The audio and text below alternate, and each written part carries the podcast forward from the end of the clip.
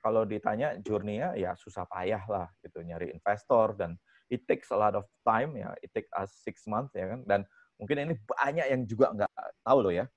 Itu tuh kita tuh gaji orang tuh pakai kartu kredit bro di awal-awal. Podcast kita kali ini kedatangan orang yang sangat hebat banget. Ini orang gue kagum banget. Kalau lu bermain di industri startup ini orang pasti udah nggak asing lagi. Lu pasti kenal banget dah co-founder dan ex-CTO tiket.com, sekarang jadi co-founder dan CEO Jovi dan Lifepack. Yes. Ini orang juga aktif banget di dunia startup dengan komunitas startup lokal juga. Natali Ardianto, apa kabar bro? Halo semuanya, how are you bro? Long time no see ya. Great, great, great. ya, uh, bro, ini kan uh, gua gua sebenarnya pengen banget banyak bertanya sama lu nih karena lu kan boleh dibilang kan salah satu orang yang yang menurut gua di di antara kayak seperti contohnya Nadim dengan Gojek atau mungkin William Tanuwijaya dan Tokopedia, lu juga adalah salah satu orang yang ya boleh dibilang pionir startup lah di Indonesia di awal-awal ya. Dan pasti hmm. akan banyak cerita banget ketika lu bangun tiket.com dan sekarang itu exit dan sekarang lu juga bangun lagi startup lagi uh, pasti hmm. akan banyak banget cerita yang bisa menginspirasi buat banyak orang sih gue yakin banget tapi sebenarnya gini, gue, gue tapi sebelum kita lanjut, gue, gue penasaran gini sih. Uh, nama lu itu kan Natali Ardianto kan ya. Uh, yeah. Awalnya, ketika gue mendengar nama lu, gue membaca nama lu, gue pikir tuh nama cewek. Karena namanya iya, Natali. Ya kan? memang. Namanya kan Natali. Itu, uh -uh. itu, itu ceritanya gimana bisa ada namanya dari Natali Ardianto itu gimana? Manggil lu Natali atau Ardianto atau gimana sih? Iya, ya jadi that's interesting sih ya. Jujur aja, uh, uh, dulu tuh saya nggak suka banget gitu kan nama Natali, ya kan. Kenapa? Ya karena ya nama cewek gitu. Udah gitu, I think uh, apa suka aku suka wondering gitu kan my mom ya kan kok nggak kreatif amat sih bikin nama. iya. ya kan. Hmm. Nah, jadi saya tuh lahir 25 Desember, Bro, gitu. Jadi harinya dia lahir hari Natal ya yeah. kan. Terus ya sama my mom dikasih I gitu ya, Natali. Padahal kan kalau dikasih nama Nataliano mungkin keren ya, ya kan. Yeah. Jadi kayak orang Italia atau gimana gitu ya. Ya kayak gitulah. Jadi backgroundnya ya very very simple apa uh, background karena lahir Natal ya kan. Nah, dulu tuh aku nggak suka gitu. Jadi makanya aku dulu pakai nama selalu Ade gitu. Jadi itu nama kecil saya tuh Ade. Jadi kalau ada yang sampai ngomong Ade itu tuh pasti temen sampai uh, kuliah itu itu AD itu pasti gitu kan nah tapi uh, uh, tapi terus uh, habis itu aku kan ya belajar ya tentang marketing personal hmm. branding dan lain-lain nah apa sih yang unik ya kan? Salah satunya adalah ya nama saya gitu kan. Jadi makanya kenapa sekarang ke mana-mana ya selalu bawa nama Natalia Ardianto ya kan? Dan kalau ditanya uh, enaknya manggilnya apa tuh? Ya manggilnya Natali gitu. Karena satu ya memang itu nama saya ya kan? Yang kedua uh, orang insaf lah gitu kan. Jadi maksudnya uh, kalau yang nggak tahu nama saya kan biasanya manggil saya Ibu Natali. Ini baru aja hari ini juga ada email ya kan? Miss Natali ya kan. Itu aku nggak pernah mencoba mengkoreksi gitu. Jadi aku bahkan pernah chatting sama orang hmm. selama setahun dan dia mengira saya wanita kayak gitu. Jadi beda bro treatmentnya kan kalau ngobrol sama wanita sama sama pria ya udah aku nikmati aja ya kan. Iya, apalagi kalau cowok ya. Itu iya ya gitu pasti ya kan jadi baik ya kan sopan ya udah hmm. begitu realize ah, anjir itu gitu jadi ya, ya apa ya satu personal branding jadi kalau ditanya mau hmm. pakai panggilannya apa ya Natali ya kan terus hmm. yang kedua juga apa ya treatment orang beda lah karena ke orang cewek ya kan sama ke orang cowok gitu jadi saya bisa merasakan rasanya menjadi seorang uh, wanita gitu kan diperhatikan dengan baik sampai suatu titik di mana sadar kalau gue cowok ya baru berubah ya kan. Jadi selama ini gue tertipu dong. ya gitu. Makanya nggak, saya tidak mencoba menyembunyikan nama Natalinya gitu. Hmm. Dan gue gue sering dengar lu suka dipanggil Konat. Ko itu maksudnya dari kata koko atau gimana sih? Iya, koko, kokonat gitu. Jadi jujur aja hmm. di tiket.com itu uh, uh, apa mostly Chinese lah gitu yeah, yeah, ya kan. Para co-founder saya Chinese semua gitu dan di kantor itu ya para senior lah ya itu kan dipanggilnya koko gitu kan kakak lah gitu kan nah jadi eh, saya sendiri dipanggilnya kokonat gitu dan saya sangat-sangat suka gitu dipanggil kokonat gitu kan Hmm. bukan karena kokonat kayak kelapa gitu ya tapi kokonya itu gitu karena menurut saya ya ini opini saja sih ya kan Hmm. Eh, orang-orang Chinese itu memang pekerja keras luar biasa kok gitu Hmm. loh ya kan saya sendiri asli ya saya asli uh, Indonesia ya kan kalau istri saya setengah Chinese gitu kan. Hmm, uh, Chinese Bangka lah gitu kan. Nah Hmm. jadi uh, dan saya sendiri kalau di apa dipanggil Koko ya kan dikiranya orang Chinese saya seneng. Karena orang Chinese itu kerja kerasnya luar biasa dan no wonder lah gitu lah. Pokoknya maksudnya enter- entrepreneur banyak yang successful ya kan. Orang-orang terkaya hitung aja 10 orang terkaya Indonesia yang Chinese kan lebih banyak kan. Ya karena I know how hard they work gitu Iya, iya. jadi ya ah, ya kayak motivasi lah buat saya ya kan? Hmm. walaupun saya orang Indonesia pribumi mungkin tapi saya kerja kerja kerasnya kayak orang-orang Chinese pada umumnya. Karena yang membuat mereka luar biasa kerja keras kan ya kayak inilah underprivileged gitu loh ya kan? Misalnya kan kita kalau orangnya privilege itu biasanya malah menganggap sepele yang kita terima gitu loh. Tapi untuk orang yang underprivileged itu eh, harus usaha gitu untuk mendapatkan yang dia inginkan. Nah karena usaha itu malah jadi kerja lebih keras gitu. Makanya kalau di notice ya untuk teman-teman juga itu negara maju itu cenderungnya tuh di utara atau di selatan katulistiwa. Perhatiin deh ya kan? Di Iya. tengah-tengah di ekuator itu Hmm. negaranya nggak terlalu maju. Tahu nggak kenapa? Karena Karena- di katulistiwa itu kan dikasih Tuhan tuh kemudahan yang sangat banyak ya kan.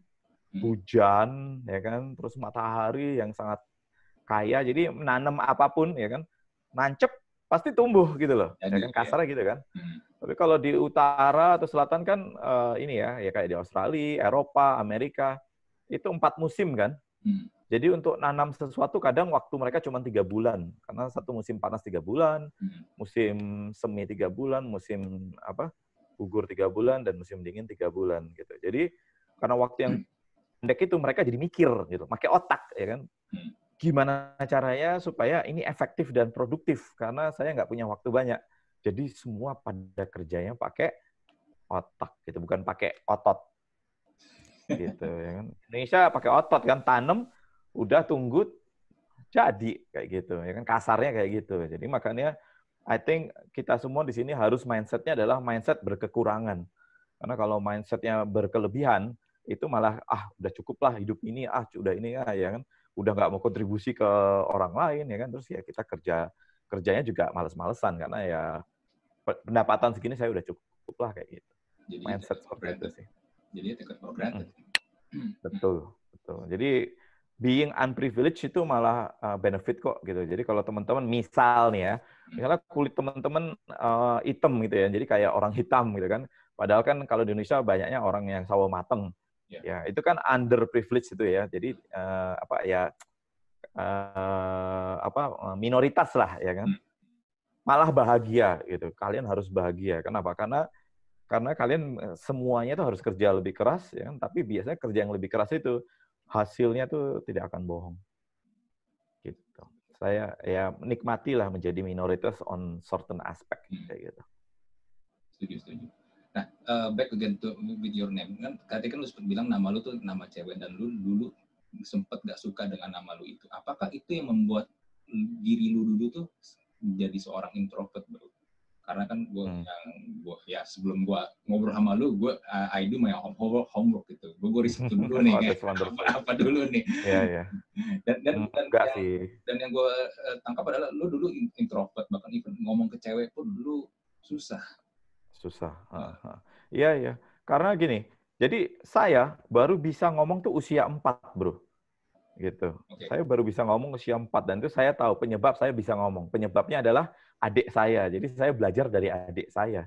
Itu cara ngomong kayak gitu. Jadi eh, memang dulu tuh eh, my development in term of eh, apa ya social skill and Hmm. communication skill tuh telat banget semuanya gitu ya kan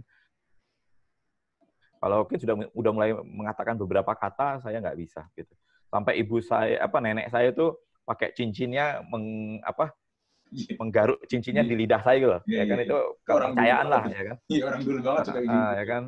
Uh, gitu kan ya tapi untung saja ibu saya tidak memasukkan saya ke tes-tes apa mental-mental gitulah ya yang apa apakah ini ada masalah speech atau apa gitu ya cuek aja lah gitu kan akhirnya bisa ya bisa ngomong tapi memang saya introvertnya kronis bro gitu jadi seberapa kronis ya uh, kalau ditanya ya teman SD saya yang saya paling ingat siapa saya nggak ingat satupun saya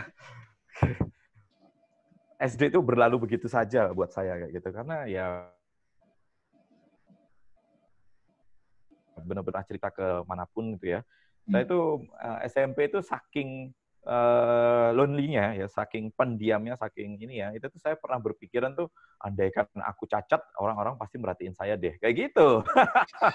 Jadi gila ya kan. Uh, uh, segitu segitu introvertnya ya kan. Jujur aja saya tuh SD itu tuh bahagia dengan kesendirian saya, ya kan. Yang hmm. membuat saya nggak bahagia itu tuh waktu saya belajar kata BT. Jadi dulu tuh saya nggak pernah tahu arti kata BT kan. Tapi begitu saya pelajari kata BT, itu saya baru tahu oh BT itu perasaan ya tidak senang, tidak enak ini ya kan. Hmm. Habis itu baru saya mulai BT gitu. Ya kan sedih kalau sendirian tuh sedih ini ya kan nyari perhatian dan lain-lain gitu. Ya kan jadi gila sih ya maksudnya uh, apa saya saya suka nih quote quote, quote dari Plato ya kan. Hmm. Semua orang tuh sebetulnya baik ya. Biasanya orang-orang yang berperilaku tidak baik itu itu karena dia tidak tahu aja, ketidaktahuan dia gitu. Itu nah itu itu tuh uh, itu filosofi itu lagi saya dalemin banget ya kan. Karena ya mungkin dulu ya gitu kan saya nggak tahu tentang BT jadi saya happy tapi begitu saya belajar kata BT saya malah jadi nggak happy orangnya hmm. gitu ya kan jadi maksudnya filosofi itu apa yang kalian isi di otak kalian adalah apa yang nanti uh, membentuk kalian gitu. Jadi pilihan juga kan kalau yang kita isi adalah hal-hal buruk ya kan pikiran negatif ya jangan kaget kalau kalian ya apa aktivitasnya ya selalu tidak positif kayak gitu. Hmm. Itu, itu banyak sih itu filosofinya dan nanti kalau mau di deep down saya bisa share. Lalu introverti itu sampai kapan? Sampai kapan tuh? kuliah pun saya masih introvert ya kan. Bahkan jujur aja waktu saya kuliah S2 ya. Jadi kuliah S2 itu 33 siswa ya kan. Hmm. Kan dikit banget ya S2 33 iya. siswa. Saya cuma hafal tiga nama. gitu. Cuma, cuma tiga orang yang saya hafal ya kan. Itu itu aja nah. Jadi memang jujur kuliah saya masih introvert, tapi dari situ uh, saya realize ya kan. Nah, salah satu yang saya buat realize itu adalah gini Uh, jadi ayah saya kan kerja di Bank Mandiri, bro. Nah, hmm. Bank Mandiri itu tuh direktur utamanya waktu itu namanya ECW Nelu, hmm. gitu. ECW Nelu tuh Edward Cornelius uh, apa Nelu lah, ya, Pak Nelu. Nah, beliau ini tadinya tuh direkturnya Bank Dagang Negara, kan terus merger lah lima bank jadi satu. Ya, ya. Bayangin lima bank tuh kan gede-gede semua, Exim, BDN dan seterusnya ya kan. Direktur utamanya Pak ECW Nelu ini, gitu kan. Nah, terus aku pelajari tentang beliau, ternyata beliau itu karir pertamanya adalah sebagai clerk gitu. Jadi hmm. kayak petugas di belakang meja gitu loh di Bank Dagang Negara gitu. Hmm. Clerk. Pendidikannya aja itu Universitas Krishna Dwi Payana. Ya kan? Pernah dengar nggak, Bro? Itu. Aku nggak pernah dengar sih. Nah, ya itu dia ya kan. Dia kampus yang kita nggak pernah dengar, mulai karirnya jadi seorang clerk ya kan, hmm. tapi jadi direktur utama di sebuah bank ya cukup lama juga kan, kan jadi saya wondering apa sih yang membuat beliau itu bisa sesukses sekarang ya kan terus finding saya adalah dia tuh orangnya karismatis banget gitu hmm. Satu karismatis kedua itu baik banget itu loh apa hatinya itu uh, hatinya itu baik banget itu bahkan saya sendiri yang cuman anak sebuah seorang karyawan aja itu bisa tersentuh gitu loh. Ya kan aku pernah berinteraksi sebentar sama beliau kan. Ya say hi, shake hand gitu kan dan beliau itu ngomongnya responsnya itu bagus dan mungkin uh, beliau juga salah satu orang yang jago ngapalin nama orang gitu. Jadi apa itu saya saya baru pelajari bahwa gila ya. Yang hebat dari dia itu bukan otaknya yang sangat encer ya. Saya nggak tahu otaknya encer banget atau enggak tapi yang saya sangat ingat adalah karismatisnya itu. Gitu. So that's why I learn about karisma apa karisma apa menjadi orang yang karismatik ya kan. Dan ternyata ya salah satu cara adalah being able to bring yourself gitu kan dengan cara ya ini berkomunikasi dan ngobrol. Makanya begitu lulus saya ngajar itu di training center gitu selama dua tahun. Itu setiap minggu ganti siswa bro. Gitu. Hmm. Dan dari dari situ uh, saya orangnya itu curious gitu. Jadi waktu saya ngajar itu style ngajar saya itu berubah-ubah terus gitu. Jadi kadang monoton, terus kadang cheerful, kadang pelawak, ya kan, terus kadang uh, bikin kuis ya kan kadang pakai buku kadang nggak pakai buku dan seterusnya gitu itu saya eksperimen sampai selama dua tahun itu saya bisa menemukan uh, pola gitu loh jadi kalau saya ketemu orang gini nih saya harusnya gini kalau hmm. ketemu orang kayak gini saya harusnya gini gitu cara terus cara inilah cara ngeles gitu juga saya pelajari kayak misalnya ada pertanyaan yang saya nggak bisa itu tuh kayak saya bilang gini wah pak itu pertanyaannya bagus banget pak tapi boleh nggak setelah uh, apa istirahat saya kita kita ngobrol ya kan. Hmm. Nah, pas istirahat saya cabut lari ya kan. Saya tanya teman saya ya kan, saya dapat saya saya nanya dapat ilmunya terus oh Pak, sorry tadi saya uh, ada keperluan ya kan. Jadi gini Pak dan gitu. Jadi I learn a lot lah on that apa training center that uh, ya hasilnya adalah yang apa yang sekarang kemampuan komunikasinya cukup terasah gitu and it only takes two year for me to learn about communication. Dan, dan lu belajar public speaking pun juga di tempat e-learning center ini. Iya gitu. Jadi saya nggak ada formal education lah ya tentang public speaking. Tapi saya juga orangnya baca buku ya bro. Jadi hmm. buku-buku yang saya bu pelajari itu dulu kayak misalnya ini uh, belajar apa uh, body body language gitu-gitu. Hmm. Gitu. Jadi saya bisa baca orang itu kalau misalnya duduk duduknya senderan ke depan itu kan berarti orangnya interested. Hmm. Kalau berakang itu ada dua ya kan bisa bisa ragu-ragu ya kan atau bisa ya nyaman dengan kita ya kan terus tinggal lihat tangannya ya kan kalau gelantung kenapa kalau di atas kenapa ya gitulah pokoknya itu aku pelajari dan ada beberapa buku langsung misalnya dua atau tiga buku tentang body language saya lahap gitu. Jadi I actively learn about uh, this stuff gitu. Jadi banyak orang yang salah ya. Orang berpikir kan belajar tentang komunikasi dan lain-lain ya udahlah itu journey kehidupan enggak ya you have to actively learn gitu. And, and I learn a lot. Ya, tapi buat orang introvert belajar public speaking kayak begitu dan praktek langsung gitu itu kan struggle setengah mati, setengah mati bro. Gue gue punya pengalaman yeah. kayak gini. Uh, dulu tuh gue punya penyakit, ya gue bisa bilang tuh penyakit ya. Gue tuh benci sama suara gue sendiri. Oh gitu. gue benci sama suara gue sendiri. Jadi uh, kalau dulu zaman zaman masih sekolah kan SMP SMA kalau guru lagi males dia kan suka suruh kita buka buku cetak baca tuh mm. paragraf-paragraf bisa digilir dari depan terus ke ke sebelah sebelahnya ke belakang yeah, gitu kan. Digilir. Itu tuh gue sampai saking ininya tuh gue suka ngitungin gue kira-kira dapat giliran ke berapa ya karena gue tuh pengen banget prepare supaya nanti ketika gue ngomong suara gue tuh nggak aneh sampai hmm. segitu ya gitu itu dan buat gue itu yeah. struggling struggle, struggle banget buat gue untuk untuk ngomong dan didengar wow. hanya suara gue doang gitu loh. Oh, that's interesting. Sebetulnya itu menarik sih. Jujur ya, hmm. saya sendiri tuh uh, kira-kira uh, eh, 13 tahun lalu lah ya. Hmm, hmm. Itu tuh mirip seperti lo, Bro, gitu hmm. kan. Jadi kayak contohnya gini nih. Kalau saya nyetir, itu tuh ya yang membuat saya jadi bukan pengendara yang efektif adalah karena saya mikirin belakang saya. Jadi saya saking mikirin belakang saya, yang terjadi adalah saya nyetir itu jadi berhati-hati banget, ya kan. Terus uh, konsentrasinya tinggi banget, ya kan. Terus uh, berkeringat kayak gitu kan, ya kan? Hmm. Karena saya mikirin orang lain yang di belakang saya, saya takut kalau saya ngerem terlalu mendadak, nanti belakang saya nabrak saya. Yeah. Gitu, ya hmm. kan? Overthinking gitu kan. Nah, terus apa yang terjadi, Bro? Hmm. Waktu itu saya pernah ketabrak dari belakang gitu kan. Jadi ada tiba-tiba ada mobil uh, motong saya di depan, ya kan? Uh, uh, mobil taksi di belakang mobil itu ngerem mendadak dan saya karena mikirin belakang. Saya jaga jaraknya kan memang bagus. Jadi begitu rem mendadak saya nggak tabrak dia, ya kan hmm. nggak tabrak taksi yang rem mendadak tadi. Tapi mobil di belakang nabrak saya, dor gitu kan.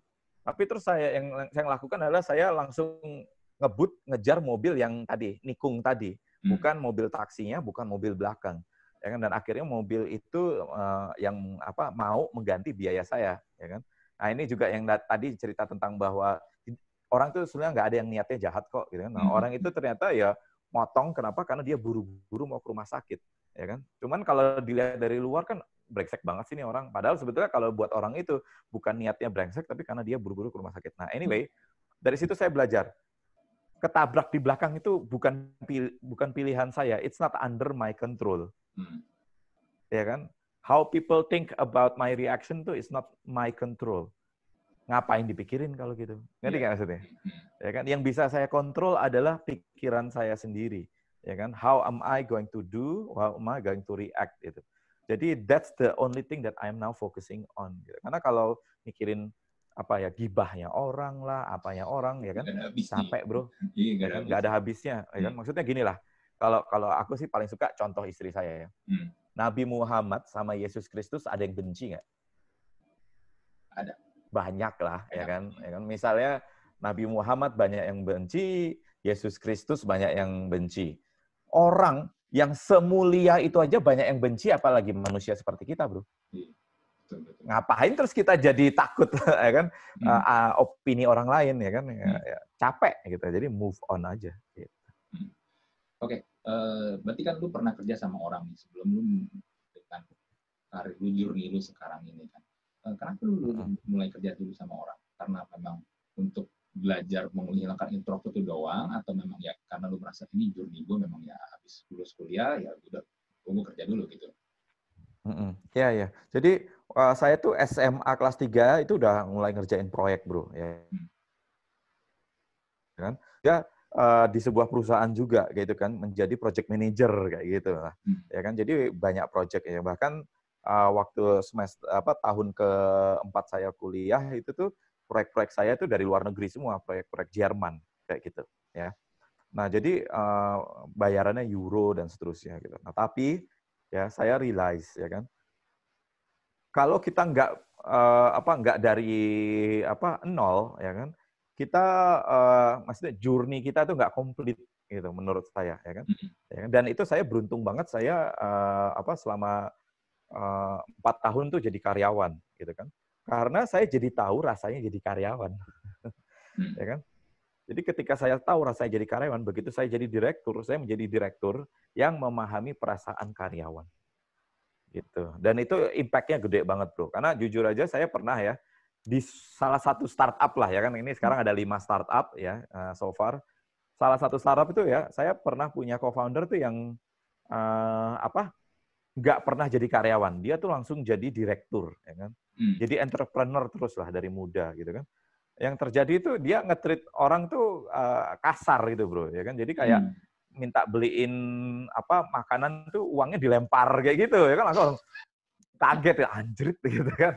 ya kan? Tapi terus akhirnya bagusnya kita ngasih tahu dia hmm. dan dia mau dengerin terus belajar, ya kan?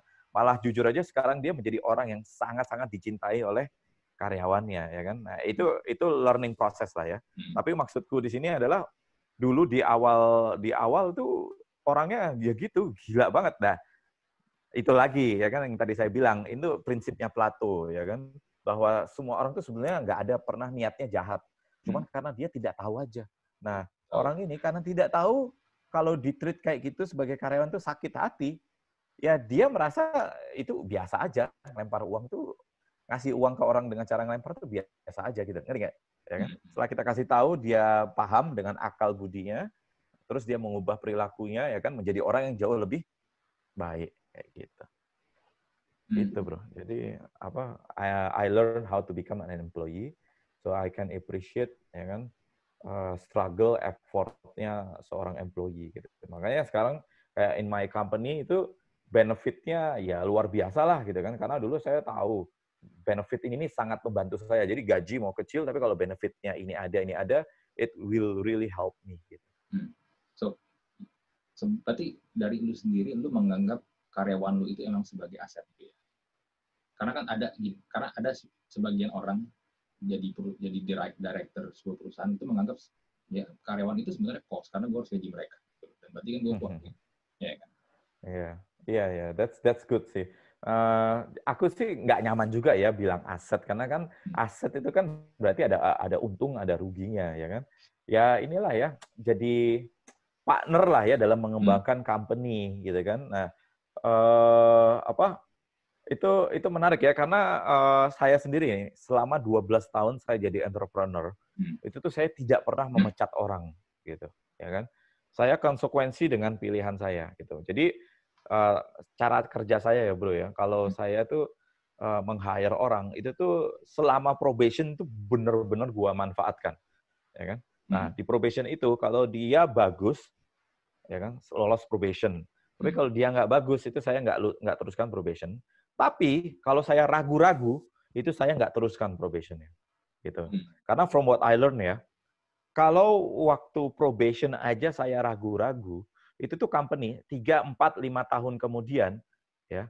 Uh, mungkin dulu company-nya kan kecil ya, kita waktu starting up company kecil, itu kan omsetnya paling puluhan juta, ya kan, ratusan juta, gitu kan. Tapi begitu 4-5 tahun, itu hopefully lah ya, omsetnya udah mulai triliunan, itu tuh karyawan yang saya ragu-ragu itu itu tuh malah menjadi batu sandungan buat saya ya kan. Dia yang tadinya mungkin ya oke okay lah bagus lah ya udah tetap gua hire itu jadi jadi hambatan karena karena company makin gede itu challenges-nya makin berat dan susah company apa orang yang tadi saya ragu-ragu itu itu tuh bisa-bisa jauh di belakang company itu sendiri gitu ya kan nah jadi makanya saya dari dulu sadis orangnya probation itu kalau nggak lolos, gua cut gitu. Kalau gua ragu-ragu, gua cut. Gitu. Bahkan VP pengalaman apa usia 42 tahun. Pengalamannya 15 tahun ya kan uh, uh, besar tapi begitu di dalam company aku nggak cocok dan nggak ini, gua nggak ragu-ragu karena walaupun dia udah punya istri, punya anak hmm. dua ya kan.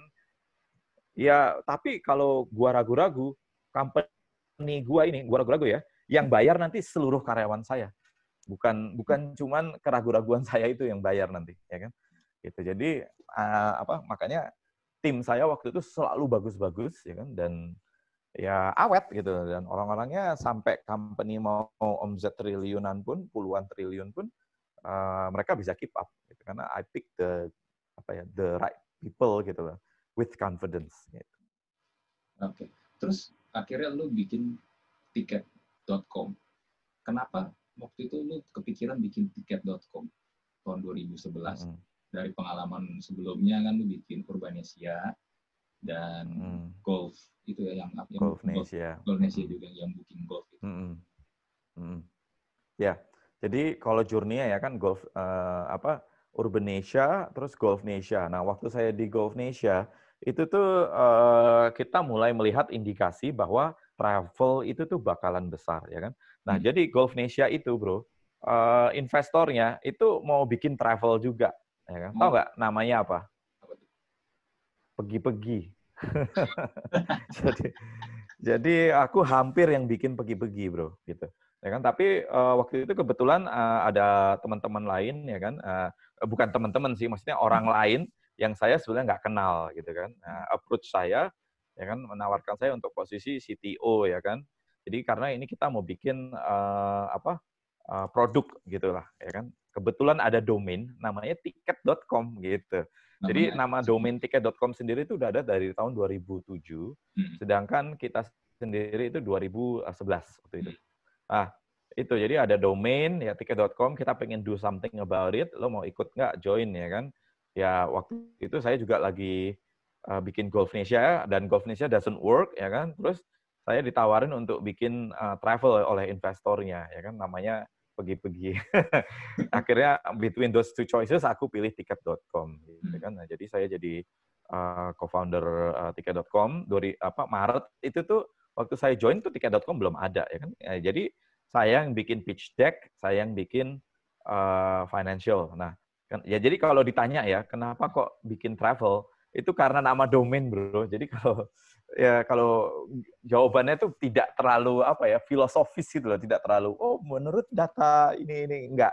Tapi ya kita tahu juga uh, pasarnya itu udah mulai naik itu kan karena Agoda sama Booking.com udah banyak yang pakai di Indonesia tapi semua masih bayarnya pakai kartu kredit. Jadi kalau ditanya orang-orang ya, Nat dulu tuh tiket value proposition-nya apa sih? Ya kan value proposition kita tuh cuma metode pembayaran, Bro.